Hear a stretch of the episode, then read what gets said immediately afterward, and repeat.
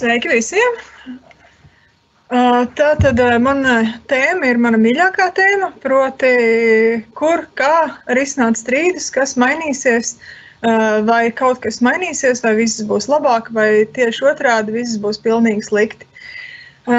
Kāpēc tad mēs vispār par jurisdikciju runājam un ko tas īsti nozīmē? Tas nozīmē to, ka tā, tas ir tāds likumu noteikumu kopums, arī tas, kā puses vienojas, uh, par to, ka, kas rada mums skaidrību, pēc kādiem principiem mēs nosakām strīdu risināšanas vietu, proti, vai tas ir noteikts likumā, piemēram, darba strīdiem vai, vai, vai nekustamā īpašuma strīdiem, vai to ir noteikušas puses, vai puses nav vienojušās, un tad ir jāatrod kaut kādi kopīgi principi, kurā valstī tad, tad šis strīds tiks skatīts vai kurā tiesā. Uh, Tāpat tas arī nosaka noteikumu kopumu, ko tad darīt tiesai, ja abām pusēm ir strīds un katra ir, iesu, piemēram, viena puse ir no Latvijas, viena no Lietuvas, un Lietuvas puse ir iesūdzējusi Latviju Latvijā, un Latvijas puse paralēli ir aizgājusi un iesūdzējusi Lietuvas puse Lietuvā. Un tad,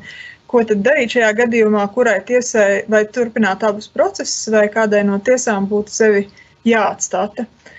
Uh, tāpat uh, tas uh, noteikumu kopums, kas attiecas uz jurisdikciju, arī regulē to, kā notiek tiesas un šķirēties spriedumu izpilde, atzīšana, ja tāda ir nepieciešama, un kādi, kādi noteikumi tad tam tiks piemēroti, kurās valstīs to varēs izdarīt.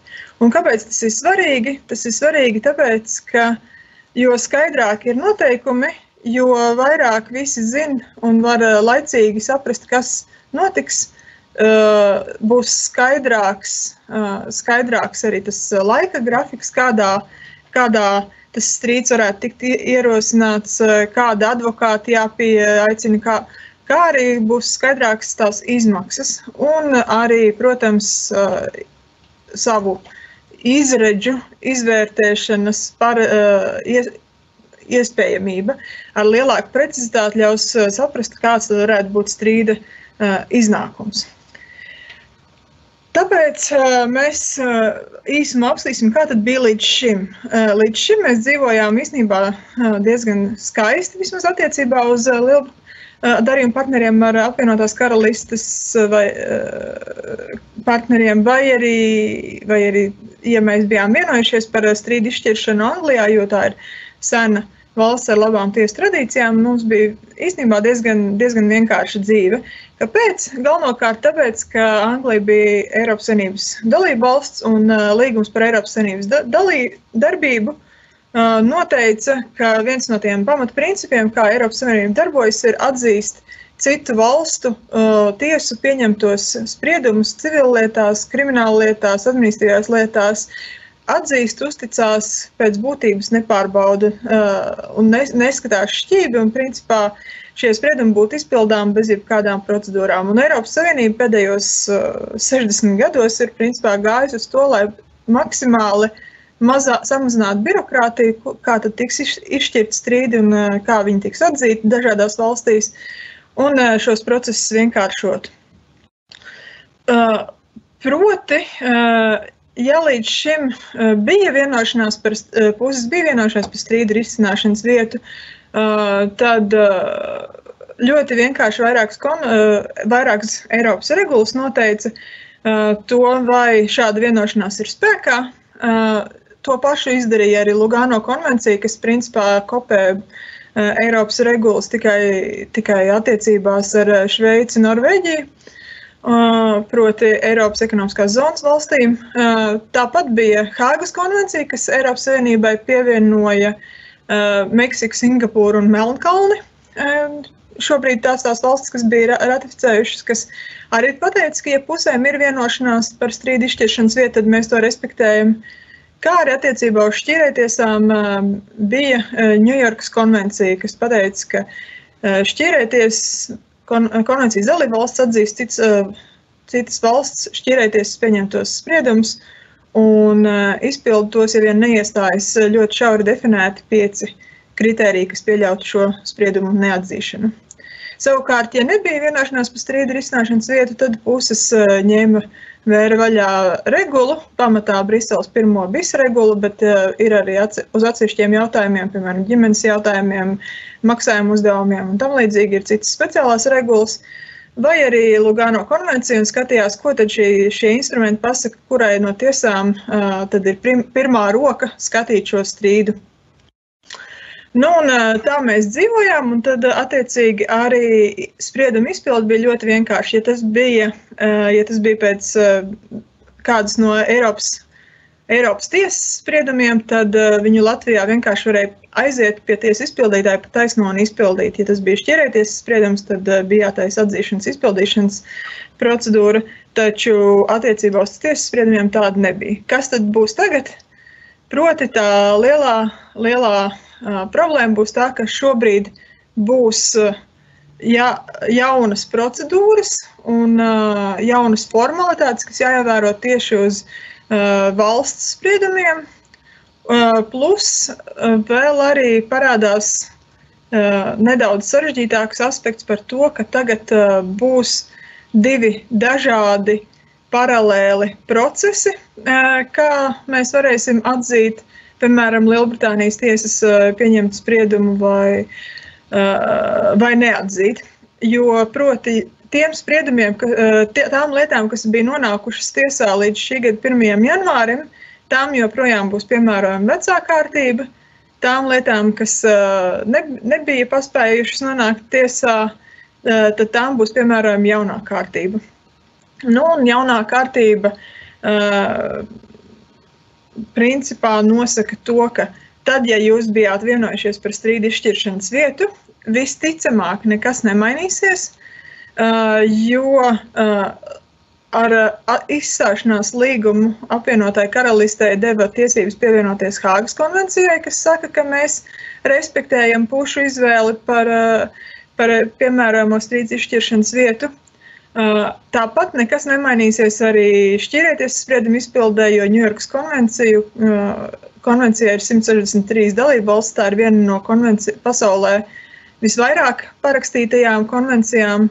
Līdz ar to šajā gadījumā nekam nevajadzētu mainīties. Tomēr interesantākais būs tad, ja gadījumā jūs esat līgumā ielikuši tādus noteikumus, kā strīdi izšķir atbild atbildētāja valsts uh, un tā atbildētāja valsts tiesā vai strīdi izšķir Anglijas tiesā. Uh, un uh, šī vai strīdi, vai vēl ļaunāk strīdi izšķir apvienotās karalistas tiesā. Vai arī, ja nebūsiet vienojušies ne par ko. Jo proti, kā jau varbūt Zane to iepriekšējā prezentācijā pieminēja, Pirmkārt, apvienotajā karalistē ir trīs dažādas tiesu sistēmas, kas pa, pastāv paralēli. Līdz ar to, ja jūs esat norādījuši, ka strīdi izšķir apvienotās karalistes tiesā, tad radīsies jautājums, vai strīds ir jāizšķir Anglijas ties, tiesā, vai tas ir jāizšķir Velsas tiesā, vai tas ir jāizšķir Skotijā, vai ir tas jāizšķir vispār pēc taisnīguma principiem, kas viņiem ir speciā, speciālā tiesa noteiktiem, noteiktiem gadījumiem. Otrakārt, neskaidrības būs tad, kāds tad būs process piemērojums Anglijai. Ja Anglijas tiesas spriedumiem, ja pat viņi vienosies, ka labi izskatām viņu pēc Anglijas un Velsas likumiem, Anglijas un Velsas tiesās vispārējās jurisdikcijas, un tad izpildām viņu Latvijā.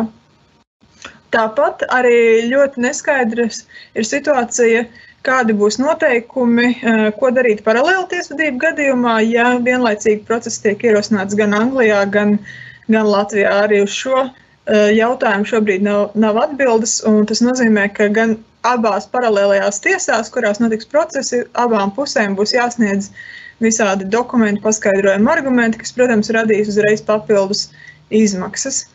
Un tāpat arī, ja puses nav vienojušās par tiesu, tad vairs nebūs skaidri, skaidri piemērojamie uh, Briseles regulas noteikumi, kas pateiks, ka, piemēram, uh, strīds ir izšķirams atbildētāja mītnes vietā vai, vai strīds ir izšķirams tajā vietā, kur uh, līgums ir visvairāk piesaistīts.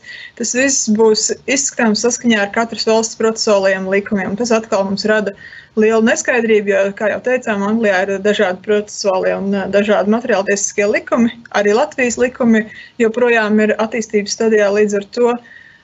tas, kāds, pie kāda rezultāta mēs nonāksim, arī nav līdz galam skaidrs. Nu, un tad tas, kas mums, kā Latvijas advokātiem, taisīs maizīti, protams, ir, ja spriedums būs jāizpilda Latvijā, nu, vai varbūt kādā citā Eiropas Savienības valstī, tad viņus vairs neizpildīs automātiski. Viņus ne, ne, nebūs tā, ka jūs paprasīsiet tai tiesai izdot apliecību un aiziesiet pie tiesas izpildītāja un uzreiz taisno izpildīsiet. Jums būs jāraksta pieteikums tiesai, lūdzot atzīt vispirms šos Anglijas tiesas spriedumu un uh, tad viņu izpildīt. Tas ir uh, tiesas process ar divām instancēm, ar iespējām pārsūdzēt, kas, uh, protams, paņem mēnešus un var ievilkties. Līdz ar to kopsavilkumā situācija uz tiesāšanos rada advokātiem maizīti, bet biznesam nav tik draudzīga. Līdz ar to tas secinājums, ko mēs jums iesakām darīt, ir Eh, noteikti savos līgumos vienoties par strīdu izskatīšanas vietu. Un, ja šī strīdus izskatīšanas vieta nav Anglija, tad jo labāk, ja ir, tad arī tad, ja jūs esat vismaz vienojušies par konkrētu pareizu strīdus izskatīšanas vietu, jūsu neskaidrības būs mazākas. Ines, nākamo slēdzu, lūdzu. Un pavisam īsi pieskaroties pie tiem argumentiem, kurus tad jums vajadzētu ņemt vērā, kad jūs izvēlaties strīdus izskatīšanas vietu, kā atbilstoši mūsu rekomendācijām, tad, protams, ņemiet vērā savu darījumu veidu un summu, darījumu valodu, kā arī pierādījumu valodu, piemērojamo likumu. Jo citādi var būt situācija, kā, kādu mēs esam redzējuši Latvijas tiesā, ka Uh, ir vienošanās par Latvijas tiesu, bet uh, piemērojams Japānas likums. Tad jūs iedomājaties, cik daudz Latvijas tiesas tiesnesis uh, saprot Japānas likumu un kā viņš var uzticēties tam, ko puses viņam saka par Japānas likumu. Un, attiecīgi, tā vietā, lai mums būtu iztulkojams viens pants no, no Japānas civil likuma, tiesa pieprasīja iesniegt vairākus tūkstošus lapas pušu pilna Japānas civil likuma tulkojumu, kas, kas bija jāizdara 20 dienu laikā, atrast tulku, kurš spētu to izdarīt arī bija diezgan neiespējama misija. Un, protams, ka tās bija pārdesmit tūkstošu tulkošanas izmaksas, kas krietni pārsniedz advokāta un, un vispār tiesvedības izmaksas Latvijā. Tikai un vienīgi uz tulkošanas, tulkošanas pamata pēc. Citos gadījumos tiesas var prasīt arī, lai jūs piesaistat tās valsts advokātu, eks, advokāts, kas sniedz ekspertu atzinumu par to, kā tad ir tulkojams tas, tas likums vai nav tulkojams tas likums. Vai arī, kas var būt dažreiz vēl sliktāk, ka tiesa lasa to likumu un tulko viņu pēc Latvijas civil likuma, likuma tulkošanas principiem un nonāk pie tāda rezultāta, kas liekas nav pakļauts loģikas, jeb kādiem likumiem. Un noteikti nav saskaņā ar tās, val, tās valsts likumu, ko puses bija gribējušas piemērot. Bet nu, tiesa, veicot tiesību normu iztulkošanu, atbilstoši tai sapratnē, pie tāda rezultāta ir nonākusi.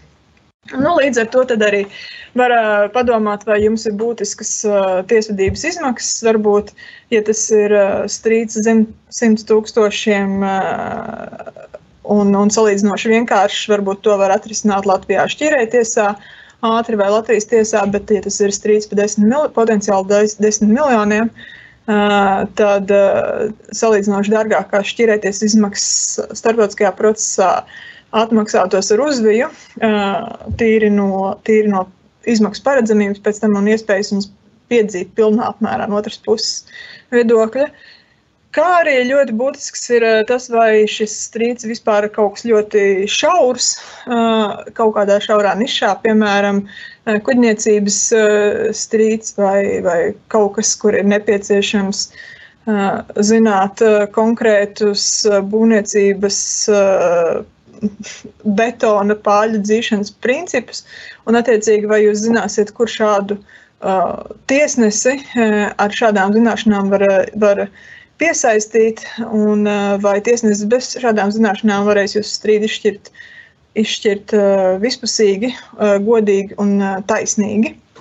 Un tad, attiecīgi, ņemot vērā šos dažādos kritērijus, tad var izvēlēties konkrētās valsts, konkrētas valsts tiesu vai, vai kādu starptautisku šķīrēju tiesu un uh, dzīvot uh, salīdzinoši mierīgi uh, un uh, sagaidīt, nesagaidīt uh, negaidītus pārsteigumus, tāpēc, ka pēkšņi jūsu spriedums nebūs Latvijā izpildāms. Uh, vai arī būs jāiziet uh, cauri uh, papildus grūtībām. Ja kādam interesē padziļināti dažādi apsvērumi, kā izvēlēties uh, tiesu un kādi ir dažādie tiesu veidi un, un, un procesi iespējami un to instrumentu priekšrocības, tad 25. februārī mums būs seminārs tieši par šo tēmu. Laipni aicināti, bet tādam vispusīgam ievadam, tad šie ir tie galvenie kritēriji, kurus ņemt vērā. Un nobeigumā vēlreiz atgādināšu, ja tieši jūs runājat ar apvienotās karalistes biznesa partneriem, tad mēs jums iesakām pārbaudīt, pirmkārt vienoties par konkrētu tiesu, kas vēlams nav apvienotajā karalistē, ja ir iespējams vienoties par šķīrētiesu, jo šķirēties spriedumi ir eh, diezgan viegli izpildāmi te visā pasaulē. Un uh, vēl arī pārbaudīt, vai tas, par ko jūs vienojaties, vai tas strīds eh, nav kā, pakļauts jau, jau kādam specifiskam regulējumam un uh, specifiskiem noteikumiem par jurisdikciju, kas uh, neļautu piemērot jūsu izvēlēto valsti vai jūsu izvēlēto tiesu. Paldies! Tas arī īsumā viss.